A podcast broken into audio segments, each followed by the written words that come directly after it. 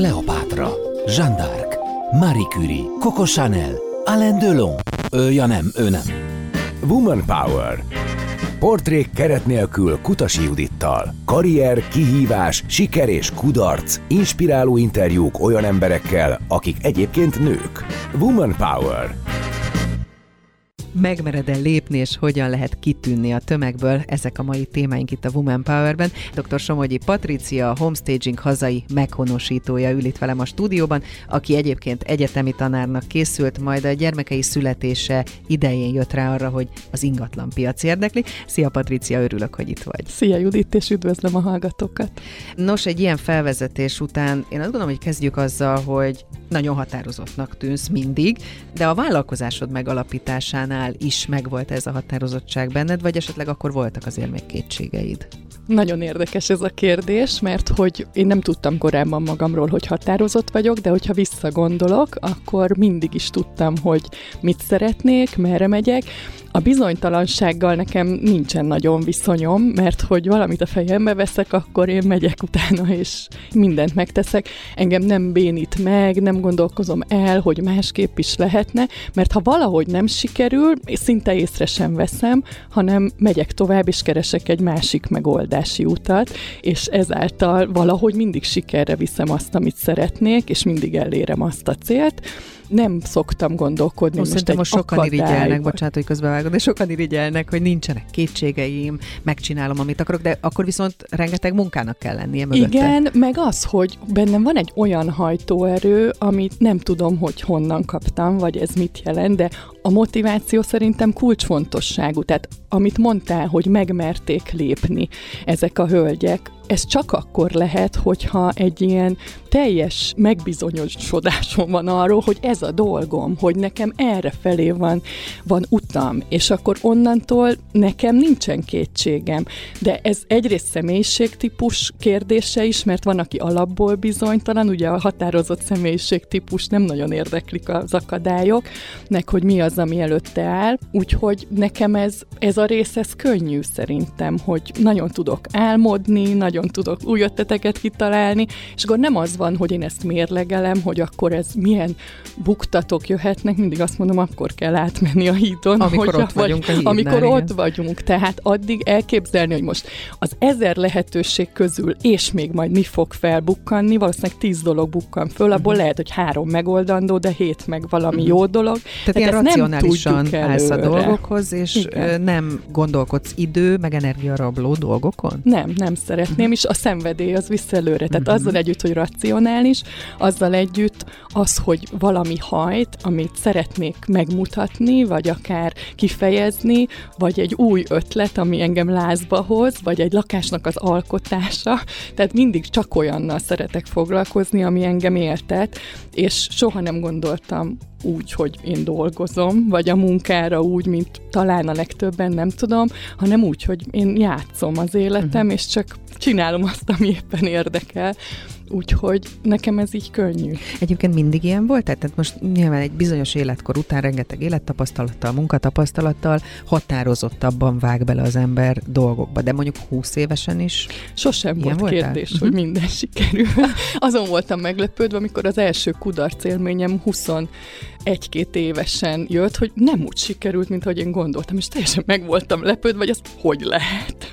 De aztán Mi volt ez? Ez az volt, hogy, de persze nem, nincs semmi véletlenül, az egyetemen pályáztam egy gyakornoki pozícióra, én negyedéves voltam, ha jól emlékszem, a Magyar Fejlesztési Bankhoz, és egy pozíciót írtak ki, és körülbelül 4-500-a jelentkeztek, és úgy, hogy PhD hallgatók is jelentkezhettek, meg negyedév, meg ötödévesek, és hát PhD hallgatót választottak, de én ki voltam magadban, hogy miért nem, miért nem engem, hiszen, hiszen ezt én is megtudtam, épp egy statisztikai jellemzői pozíció volt, és ugye én abból doktoráltam aztán később, és nekem az nagyon feküdt, és csodálkoztam, hogy ez nem sikerült. És akkor én néztem, Aztán persze, gondolom, mit... átmentem rajta. Igen, valahogy. de ezt akartam kérdezni, hogy mit kezdtél ezzel az érzéssel? Vagy mit kell kezdeni a kudarc, a kudarc A kudarc kezelés az nekem akkor nem ment olyan könnyen, most már szerintem ennyi idősen nem fogom fel ezt ilyen tragikusan, csak mondom, ott először egy ilyen teljes sok volt, hogy valami nem sikerült, amit én kitaláltam a fejembe, de aztán valahogy szerintem azt értettem meg az évek során, hogy minden jól van úgy, ahogy van. Tehát ezt nagyon régóta vallom, hogy minden a megfelelő időben történik, és minden úgy van jól.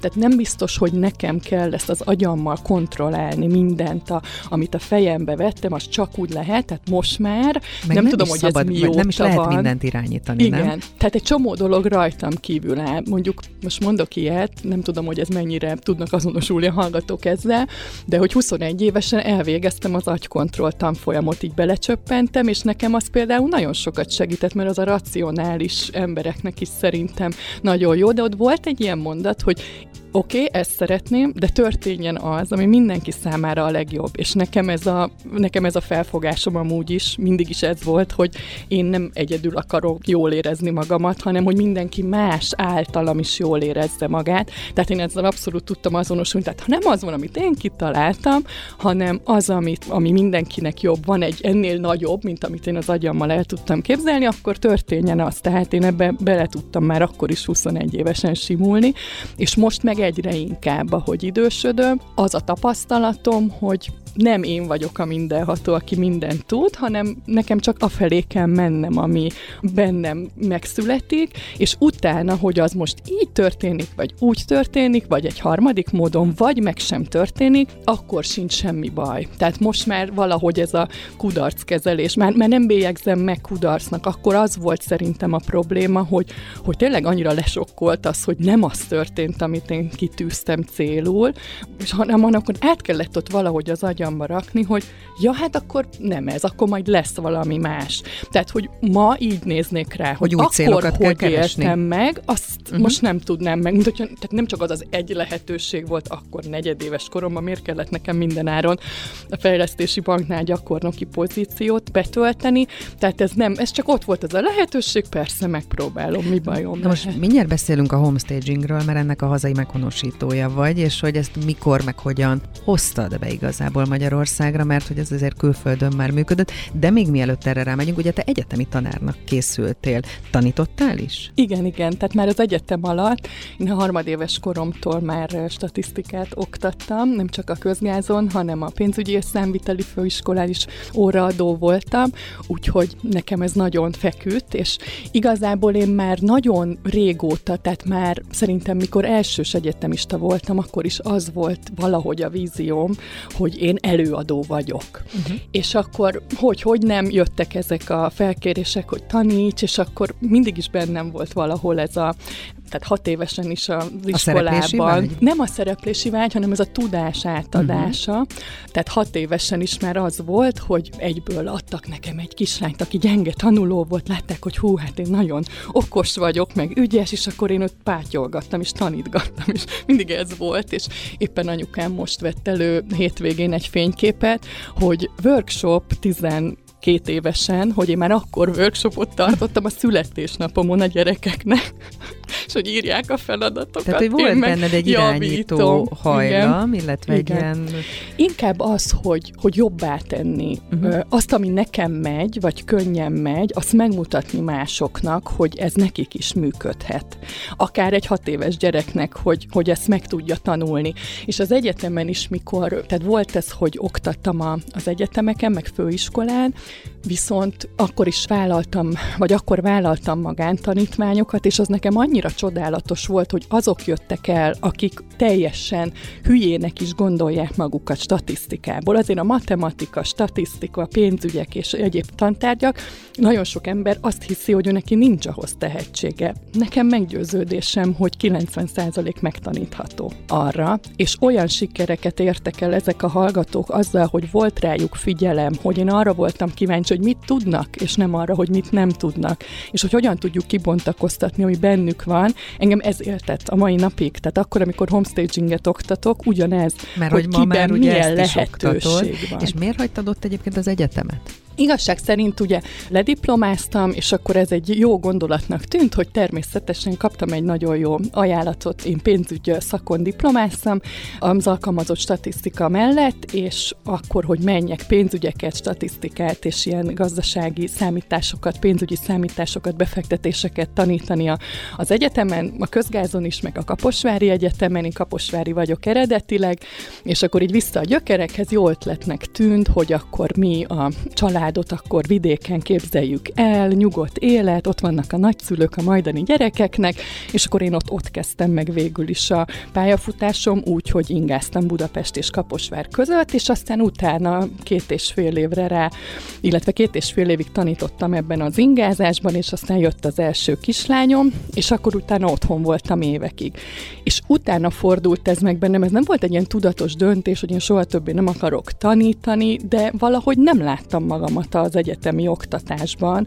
A két kislányom mellett, a két gyerek között megvédtem a disszertációmat, ledoktoráltam, hogy akkor ott is közben. történjen valami, mert azért nekem az kihívás volt, uh-huh. az a négy otthon töltött év, ezzel együtt, hogy ledoktoráltam, hát, de hogy egy mégis... személyiség vagy, ahogy Nekem annyira az nem tesz uh-huh. jót, tehát ezt is mindenkinek magának kell tudnia, hogy fekszik-e neki, ez az otthon lét, babázás, csak a gyerekek körül forog minden, csak a háztartás négy fal között lenni, vagy pedig ő egy másik ember, tehát én akkor ezt nem tudtam, hogy hogy, hogy kell anyukának lenni. De és most, most már karrierváltási tippekbe csaptunk bele. Ig- hát igazából nem volt ez a cél, de, de szerintem ez nagyon fontos, uh-huh. hogy minden anyuka ezt így tudja, hogy mi az, ami neki fekszik, vagy nem, és ne ostorozza magát, hogyha esetleg nem a szerint a minta szerint éli az életét, mint amit elvárnak tőle, vagy amit ő a saját családjában látott, úgyhogy lehet ezen teljesen más elvek mentén önazonosan családot vezetni, úgyhogy nekem ez, ez volt egy ilyen Ezek nagy jó és fontos üzenetek egyébként. De most aztán jött a homestaging az életedbe, ha jól emlékszem, akkor, amikor az első, amikor a lakásod lakásodat eladtad. Igen. És átalakítottad, és rájöttél, hogy ezt lehet jobban vagy másképp csinálni, ha jól tudom.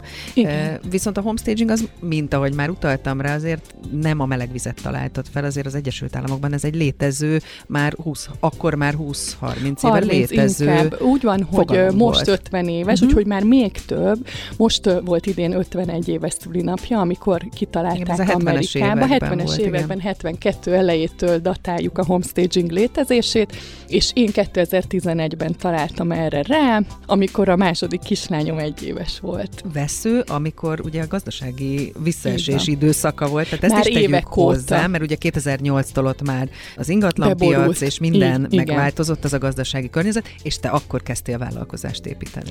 Igen, de ugye mivel az akadályokkal nem nagyon Igen, tehát és ezért is jó, hogy ezért, ezzel kezdtük. Ezért nagyon-nagyon érdekes, hogy mindenki jött azzal, hogy jaj, nem most adjátok el, úristen, hát a legrosszabbkor, várjatok még. És én néztem, hogy mire De várjak, vagy uh-huh.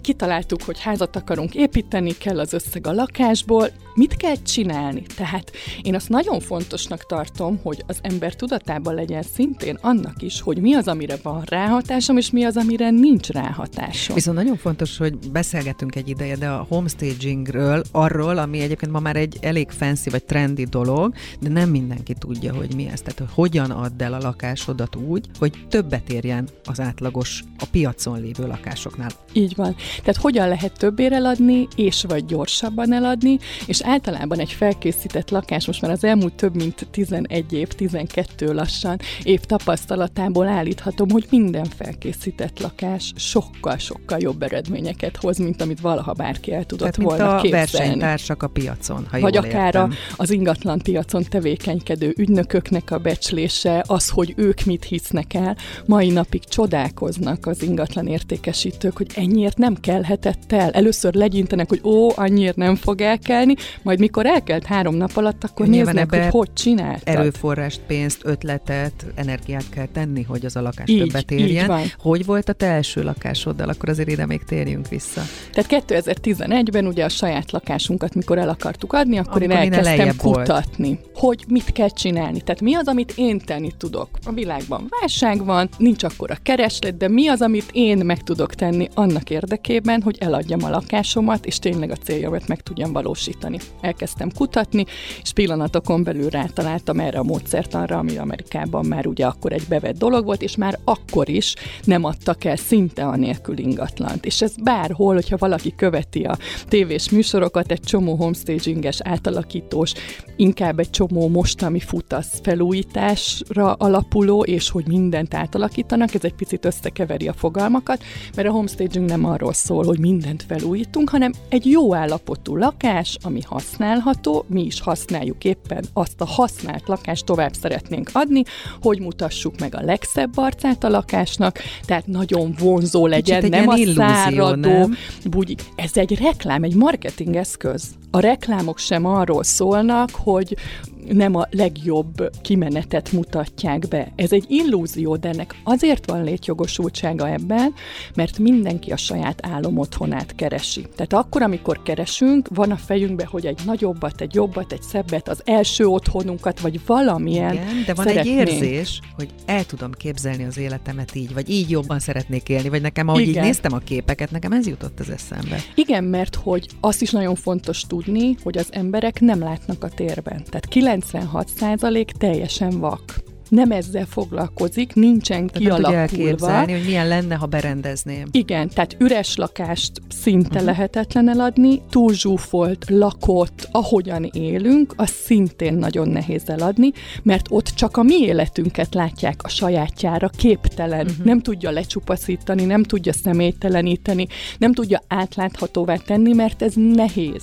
Annak is, tehát akik hozzám eljönnek a képzésre, fele szintén nem lát, de mondjuk erős a marketing vénája, vagy a gazdasági vénája. Többre nem. meg meg lehet tanítani, vagy társuljon olyannal, aki viszont így, ezt látja? pontosan uh-huh. így. Vagy ez, vagy az. Meg lehet is, meg is lehet tanítani, nem ez lesz a legfőbb erőssége, mindenki az erőssége szerint És neked mindegyik erősséged meg volt ezek szerint? Ez Mert a szerencsés ugye kombináció. építettél rá egy vállalkozást, és ma már képzed azokat a homestagereket, vagy nem tudom, hogy mondjuk. Igen, uh-huh. igen, homestagerek, egyébként inkább nők vagy férfiak?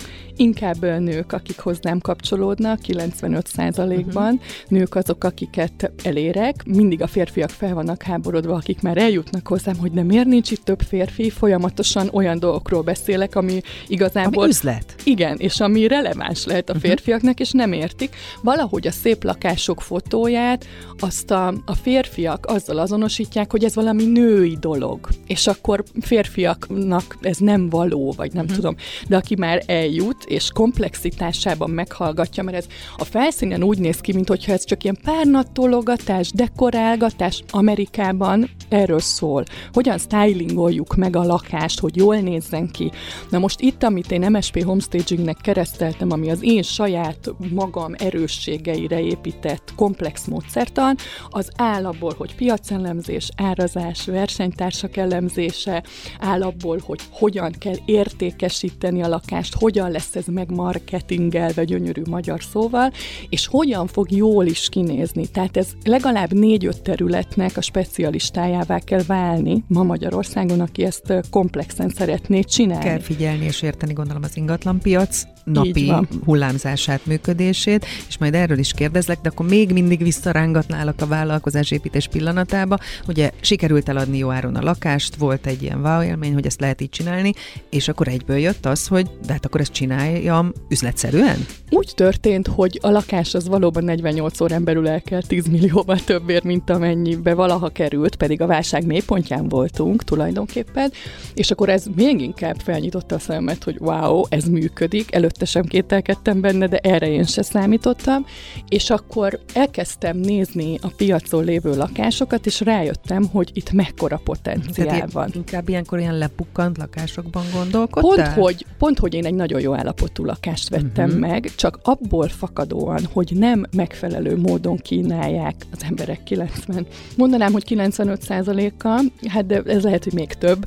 Szóval a nagy részt Magyarországon még nem úgy kínálják, ahogy ahogy szerintem kellene, akár csak rakjanak rendet, takarítsanak ki, és hívjanak egy profi fotóst. Uh-huh. Tehát ez az alap, amit mindenkinek tanácsolhatok, mert ez nem kerül pénzbe, valamennyibe biztos a fotós is belekerül, de ezért egy lakás értékéhez viszonyítva ez 0, uh-huh. valahány százalék, tehát ez nem egy beruházás, ami olyan nagyon-nagyon nagy értéket képviselne. Tehát ez az alap, és mivel nem így kínálják, ezért nekem akkora potenciál van befektetőként a piacon, amit pusztán csak egy kis tudással, egy kicsi energiával, egy kicsi időbefektetéssel, és nem nagy pénzbefektetéssel nagyon sok millióval többére el akkor is adni, amikor válság van, nagyon kicsi a kereslet, kevesen vásárolnak lakást, de igényes lakásra mindig szükség és volt. Akkor, akkor a is. következő és következő lakást? Tehát, hogy mi volt a, a módszered az vettem, elején? Vettem aztán egy lakást, ugyanez a forgatókönyv megismétlődött, és onnantól azok, akik hitetlenek voltak, meg miért csinálod ezt, meg ez egy hülyesség, meg jaj, minek költesz rá, meg mit foglalkozol vele, tekintettel arra, hogy be voltak szorulva a lakások, nagyon sok lakás, az összes ismerősömnek a lakása nem tudta eladni két-három évig, tehát nem az volt, hogy egy-két hónap, vagy Igen, emlékezzünk vissza, hogy mi volt tíz évvel ezelőtt. Igen, hanem két éves távban nem tudták eladni a lakásukat, és akkor történt az, hogy ők kezdtek el megkeresni. Azzal, hogy mondd már meg, hogy mit csinálsz. És akkor gyakorlatilag egy ilyen tanácsadói biznisz kezdődött el hát akkor már nem először. saját lakásokat vásároltál, hanem segítettél másoknak. Mint ahogy az ingatlan közvetítő is értékesíti a lakást. Igen. Csak ez más. Felkészítettem, és utána én értékesítettem a lakást, vagy pedig megtanítottam a, a tulajdonost arra, hogy hogyan képviselje ő a lakást, amikor már egy egészen más sportéka, ami gyakorlatilag eladja saját magát, és egy sokkal magasabb igényű vevőkört vonz. Kockáztattál szerinted? Akár anyagilag, akár bármiben? Hát a befektetés az abszolút egy uh-huh. kockázatos dolog, de a kockázatokat racionalitással és azzal, hogy körültekintőek vagyunk, és ismerjük az összes folyamatnak a kihívásait, el tudjuk dönteni, hogy az nekünk belefére a kockázattűrő képességünkben, vagy sem. Tehát ezt kell mérlegelni, mindenkinek más kockázattűrő képessége van, mindenkinek más befektetési forma, ami megfelelő, az ingatlan piacon belül is, és mindenkinek teljesen más lesz a vég végeredmény is. Nekem szerintem elég magas a kockázattűrő képessége, meg engem ugye az akadályok sem annyira zavarnak, zavarnak hogy még az is lehet. Üzleti hanem, terved volt már akkor az elején? Akkor a legelején nem volt, hanem 2013 elején vettem részt egy képzésen, amelynek az volt a célja, hogy kifejezetten üzleti tervet uh-huh. készítsünk, és ekkor én lakberendező vállalkozást és homestaging tanácsadó vállalkozást gondoltam, és vizionáltam, hogy majd ennyi ember, meg annyi ember fogja ezt csinálni, és akkor még a tanítás egyébként nem volt benne, nagyon és érdekes. most mielőtt jön a szünet, hány ember dolgozik neked, hány embert oktatsz, csak a számokat, aztán majd kibontjuk. 2500-nál több ember volt most már a képzéseimen, online és személyes képzéseket tartok, és most én nem vállalok már tanácsadást körülbelül 5 éve, hanem őket képzem ki, hogy ők ezt tegyék meg, és így megpróbáljuk lefedni a piacot. Tehát most a legfőbb cél az a szakma kiképzés, képzése, hogy ez, ez ma már egy ténylegesen létező szakma, ezt már állíthatjuk.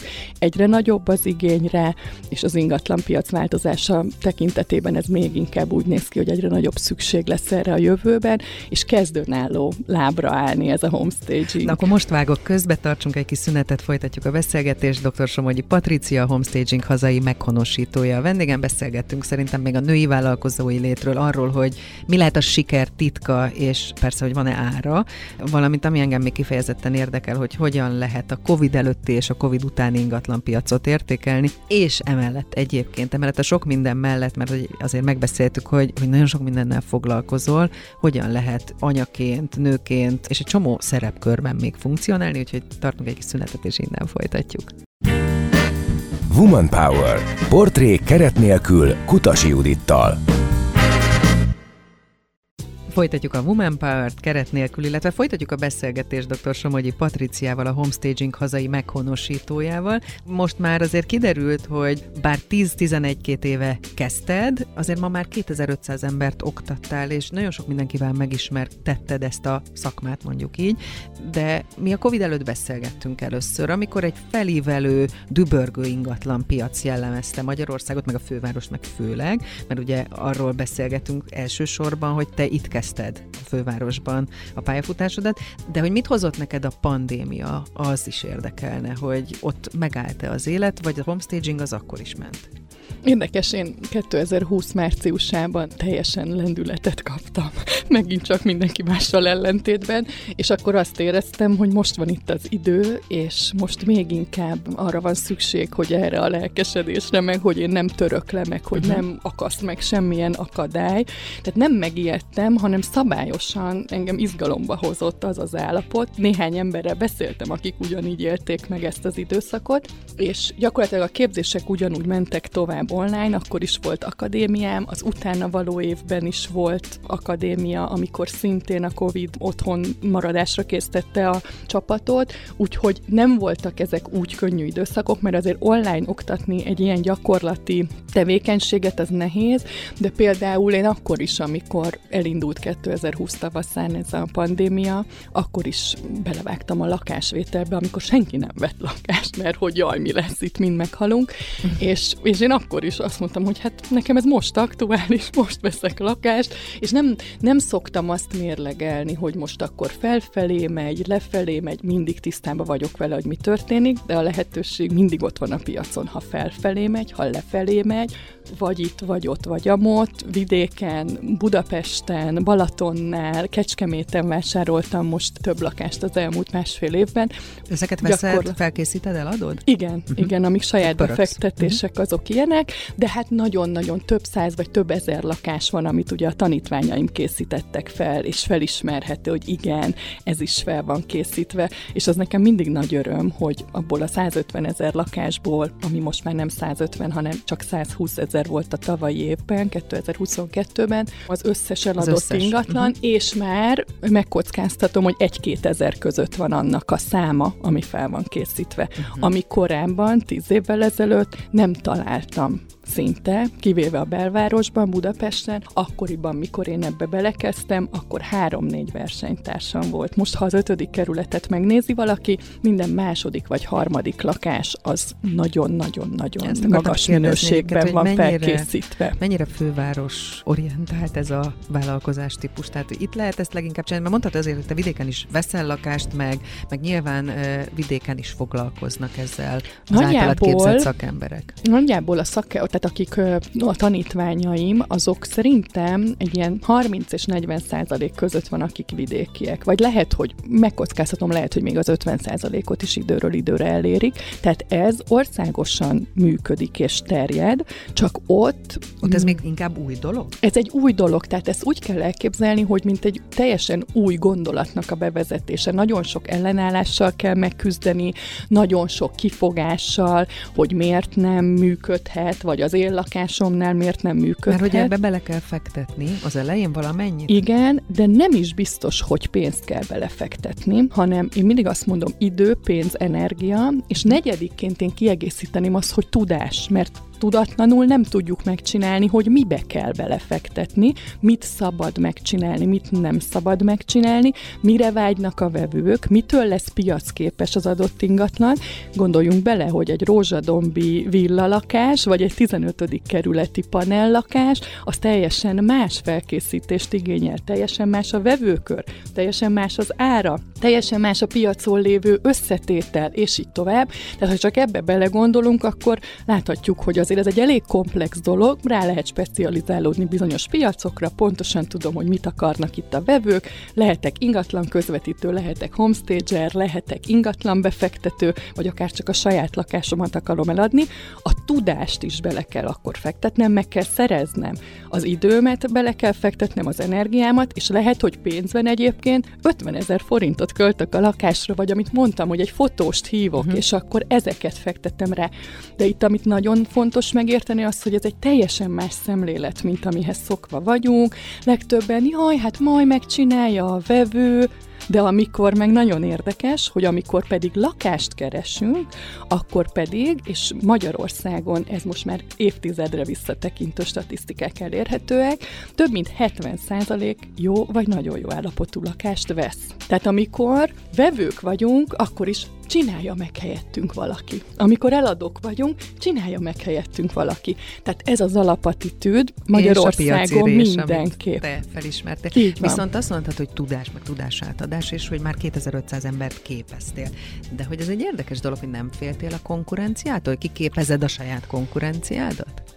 Hát ez a versengés, ez nem annyira az én terepem.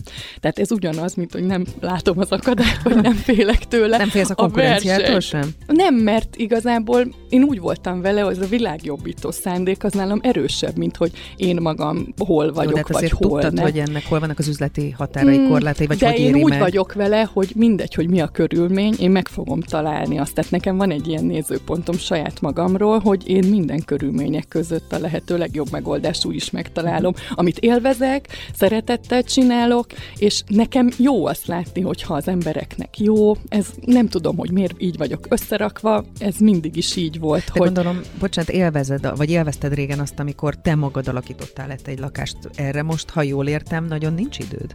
Most is csinálom, csak e között egyensúlyozom. Egy időben azt gondoltam, hogy nem, a lakásokat félrerakom, és csak az oktatásra koncentrálok. Majd rájöttem, hogy nekem nagyon hiányzik, hogy néha egy-két lakást ne csináljak meg évente.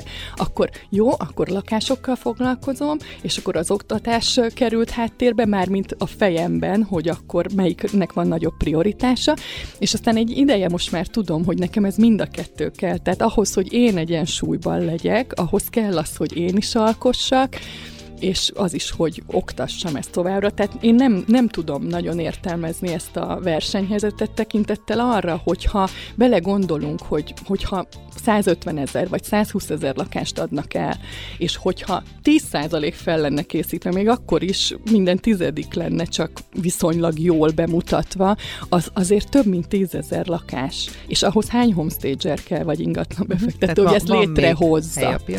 Nagyon sok hely van. Ez még mindig az elején van ez a piac, és annyira sok nő megtalálta ebbe magát, akár a számok oldaláról, akár a szépészet, akár az otthonteremtés, akár az, hogy a marketing vénáját ebbe meg tudja élni, és ebbe tényleg olyan hivatást találtak, én ezekért a történetekért vagyok oda egyébként, mikor jönnek és csillogó szemmel mondják, hogy az ő életébe ezt ő hogyan tudta adoptálni, és engem ezek éltetnek. A pénz az egy nagyon fontos dolog az életben, de nekem sokkal inkább az határozza, tehát én gondolom, egy ideje tudom már, hogy tudok pénzt csinálni, tehát ez engem abszolút elsődlegesen soha nem motivált, hanem inkább az alkotás, inkább az, hogy, hogy valakinek az életére jó hatással lenni, és hogy ezt minél több embernek át tudjam adni ezt a, ez, ez ezt a boldogságot. De egyébként ez csak azért veszélyes, hogy ilyen vagy, hogy mindenki elhiszi magáról, és remélhetőleg egyébként minél több embernek sikerül is, de hogy azért itt tényleg vannak buktatók, hogy ez azért mondjuk, de képzeld, hogy nem De képzeld el, sikerül. hogy aki ebbe tényleg beleállt, nem tudok egy olyan embert mondani,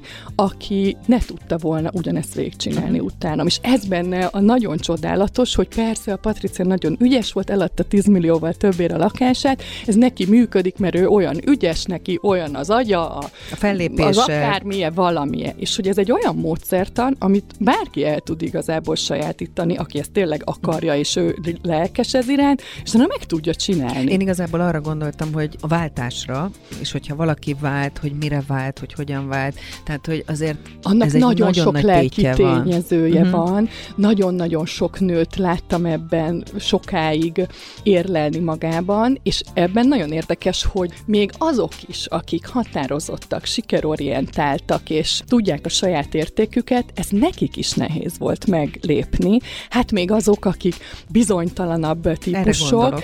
Abszolút, tehát hogy én ebben egy ilyen mentor szerepet töltök be, hogy hogyan lehet átvinni az embereket az egyik partról a másikra, hogy ők ezt mégis elhiggyék magukról, hogy ők erre képesek, és valakinek rövid idő kell, és belevág, valakinek nagyon hosszú idő kell, de elengedhetetlen az önismeret. Az, hogy ki vagyok, mit szeretnék, mik az én erősségeim, hova tartok, mi az, amire építhetem a vállalkozásomat, egyáltalán, hogy megállok a saját lábamon, akinek az alkalmazotti attitűd fekszik, az ne akarja megerőszakolni magát, hogy mindenképp vállalkozó akar lenni. Tehát ezt mindenki magának tudja eldönteni. Most én itt beszélhetek a nagy álmaimról, meg erről a de lendületről, kimondani, a szárnyalásról, de ez a nekem könnyű. De aki ettől úgy érzi magát, hogy úristen befeszül, annak nézze meg, hogy neki mi a könnyű, és a, mindenkinek van, ami neki való szerintem. És mi a siker mércéje, ha van ilyen számodra? Mit, mitől érzed te magad, a vállalkozásodat sikeresnek, az életedet sikeresnek? Legfőképpen a csillogó szemű emberektől. Tehát nekem az, hogyha valaki elindul ezen az úton, és akár csak teljesen belelkesedik, nekem ez a lelkesítés, ez a odaadni a perspektívát az embereknek, az, hogy ők látják, hogy van más lehetőség, és hogy kibontakoztathatják saját magukat. Nekem ez a legfőbb siker. Amikor visszajön, tartok három havonta inspirációs esteket, és akkor ott vannak olyanok, akik már nagyon régóta ott vannak, meg van, aki még csak most akarja az első lépéseket megtenni, és annak nagyon-nagyon jó az energiája annak az estének, és akkor mindenki elmondja akár a kétségeit, kérdéseit, vagy pedig elmondja a sikersztoriát, és akkor nekem az, az a minden. Tehát ezzel töltődsz. Igen, igen anyaként, vezetőként, cégvezetőként, homestagerként, mentorként, oktatóként vagy jelen, nagyon sokféle szerepkörben hogyan tudod ezt összerendezni. Mert Ügyesen. hogy kicsi gyerekek mellett kezdte, tehát Igen, én azt gondolom, hogy nem volt, volt feltételezem, hogy nem volt fákjás menet mindig, meg nem volt ennyire egyszerű, mint ahogy most ha hallgatlak téged, gondolom, hogy ez tök egyszerű. Nem egyszerű, ezt nem is akarom senkivel uh-huh. elhitetni, és nekem is voltak álmatlan éjszakáim, és most is van olyan, mert én azért elég egy ilyen lelkizős típus vagyok, aki abszolút megéli az érzéseit. Nagyon rosszul esik, hogyha a gyerekemnek valami fáj, mármint lelkileg, vagy valami probléma, problémája van, és ez mindig is így volt, hogy ők természetesen befolyásolták az érzelmi állapotomat, de valahogy nekem, nekem az működik, hogy össz, valahogy magamba az, hogy nekik mire van szükségük, én nagyon tudok arra figyelni, hogy másoknak mire van igényük, a tanítás is azért működik, az, hogy mi kell a vevőnek az ingatlan piacon, én arra is könnyedén rá tudok hangolódni. Inkább ennek az a hátránya az én saját életemben, hogy magammal nem foglalkoztam talán annyit. Mert hogy én nekem elég volt az, hogy kielégítem a lelkesedésemet. De az, hogy figyeljek magamra, a ténylegesen a belső igényeimre, vagy akár a testi szükségleteimre, azok kerülnek háttérbe, ha mindig mással foglalkozom, mindig másnak az igényét akarom betölteni sajnos vagy nem sajnos azt mondom magamról, hogy egy igényteljesítő gép vagyok, és akkor ebbe azt hiszem, hogy minden benne van, azt, hogy akkor ezt így tudom csinálni, viszont kiszolgálom, de nem tesz mondjuk jót nekem. Tehát mhm. nekem abba kell egyensúlyt találnom, hogy, hogy visz ez a flow, csak hogy nagyon ki tudom meríteni magamat. Most sok vállalkozó nővel beszélgettem az elmúlt években, és gyakran jöttek vissza olyan jelzések, hogy minél sikeresebb lettem én, a vállalkozásom, annál mondjuk sikertelenebb lett a párkapcsolatom, a házasságom, a magánéletem, hogy éltél-e meg hasonlót, vagy látsz-e, ugye sok nővel találkozol, látsz-e hasonlót? Nagyon érdekes, hogy valahogy, ahogy az ember felteszi a kérdést magának, hogy hogy szeretnék élni, amikor elkezdi azt, hogy most akkor alkalmazott vállalkozó, ha tényleg ezt az önismeretet elkezdi ennek az útját járni, és felteszi a kérdéseket, akkor ott lehet, hogy kiderül, hogy megint csak emlékeztetnék mindenkit, amit az elején mondtam, ezekre a mintákra, hogy hogyan éltek a szüleink, vagy mit láttunk, vagy mit hittünk, hogy mi az, ahogy mi élni szeretnénk. Nekem volt egy ilyen nagy csalódásom, hogy felépítettem egy, egy házat, egy életet, egy férj-feleség, apuka, anyuka, gyerekek, és hogy nekem ebben nagyon nagyot kellett csalódnom. Tehát most minden olyan könnyűnek, meg szépnek tűnik, tök jó, hogy ezeket a kérdéseket felteszed, mert hogy ezzel együtt azért mondom, nekem is megvannak a magam nehézségei. Egyrészt arról nem szoktam beszélni, mert az nem a lelkesítés témaköre, de, de és valahogy fontos, az megmutatni fontos, ezt az oldalt. Az ember, Abszolút, igen. tehát ez teljesen, ez nagyon egyetértek ezzel. Úgyhogy hogy volt egy ilyen, de ez nem azért volt, mert én sikeres lettem. Tehát én akkor lettem sikeres, amikor már vége lett ennek a házasságnak, és pont abból az energiából lettem sikeres, hogy ezt most muszáj megcsinálnom. Tehát nagyon érdekes, hogy magát a vállalkozást, meg igazából akkor robbant be, és akkor lettem sikeres, amikor úgymond magamra voltam hagyva. Vagy amikor azt éreztem, hogy most már nincs védőháló, nincs az, hogy csak hátradőlök, és benne vagyok abba a, megszokott, ám de nem annyira kielégítő élethelyzetbe, és és hogy egyszerűen nem nyomhatom el magamat az, hogy tényleg hogy szeretnék élni, hanem meg kell élnem azt, amiért idejöttem, vagy. Tehát, hogy, hogy ne teljen úgy el egy év, két év, három év az életemből, hogy úgymond, tehát ha visszatekintek, nekem mindig ez a vízióm, bárhány évesen is lesz az életem vége, akkor elmondhassam, hogy, hogy én megtettem, ami ki volt rám szabva, bármi is legyen az, ami ki van rám szabva, tehát ebbe is szeretek egy ilyen proaktivitást mutatni, hogy megyek utána, nem tudok csak így leülni és megnyugodni, hogy jól van, majd akkor lesz valahogy, hanem nekem mindig valahogy ebbe a kontrollba, vagy ebbe az irányításba benne kell lennem,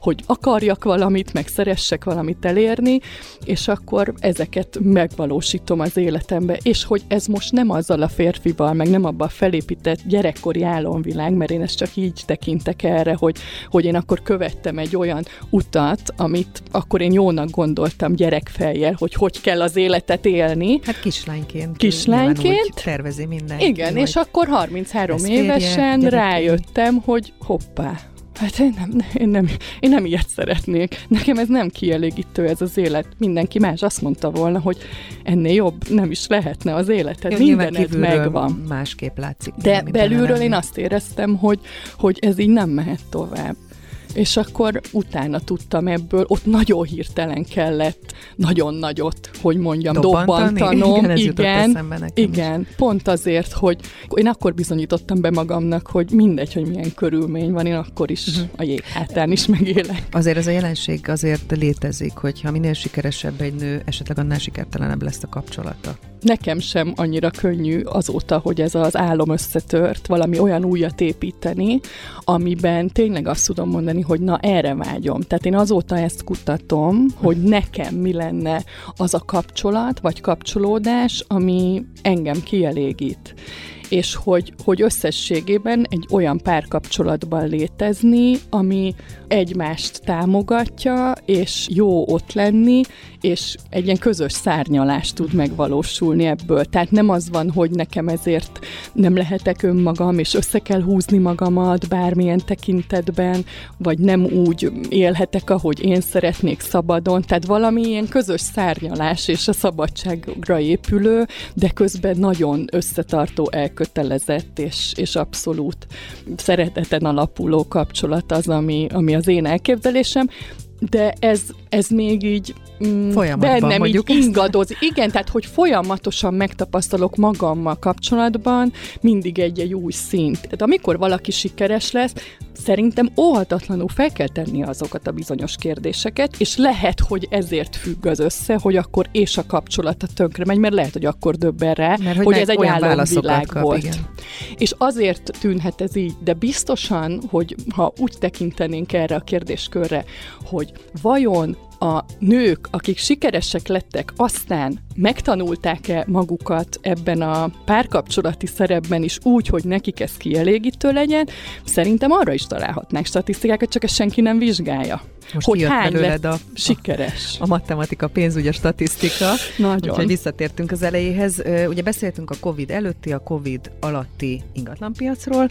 Itt beszélgetés végén nézzük meg, hogy mi a helyzet most. Ugye most is azért egy kicsit ingatag gazdasági helyzet van. Egyre többen halljuk, hogy idáig mentek fölfelé az ingatlanárak, most legalábbis stagnálnak, vagy nem tudjuk mi lesz. Te mennyire látsz előre, mennyire tervezel előre, és erre rákapcsolódva milyen terveid vannak a jövőre nézve?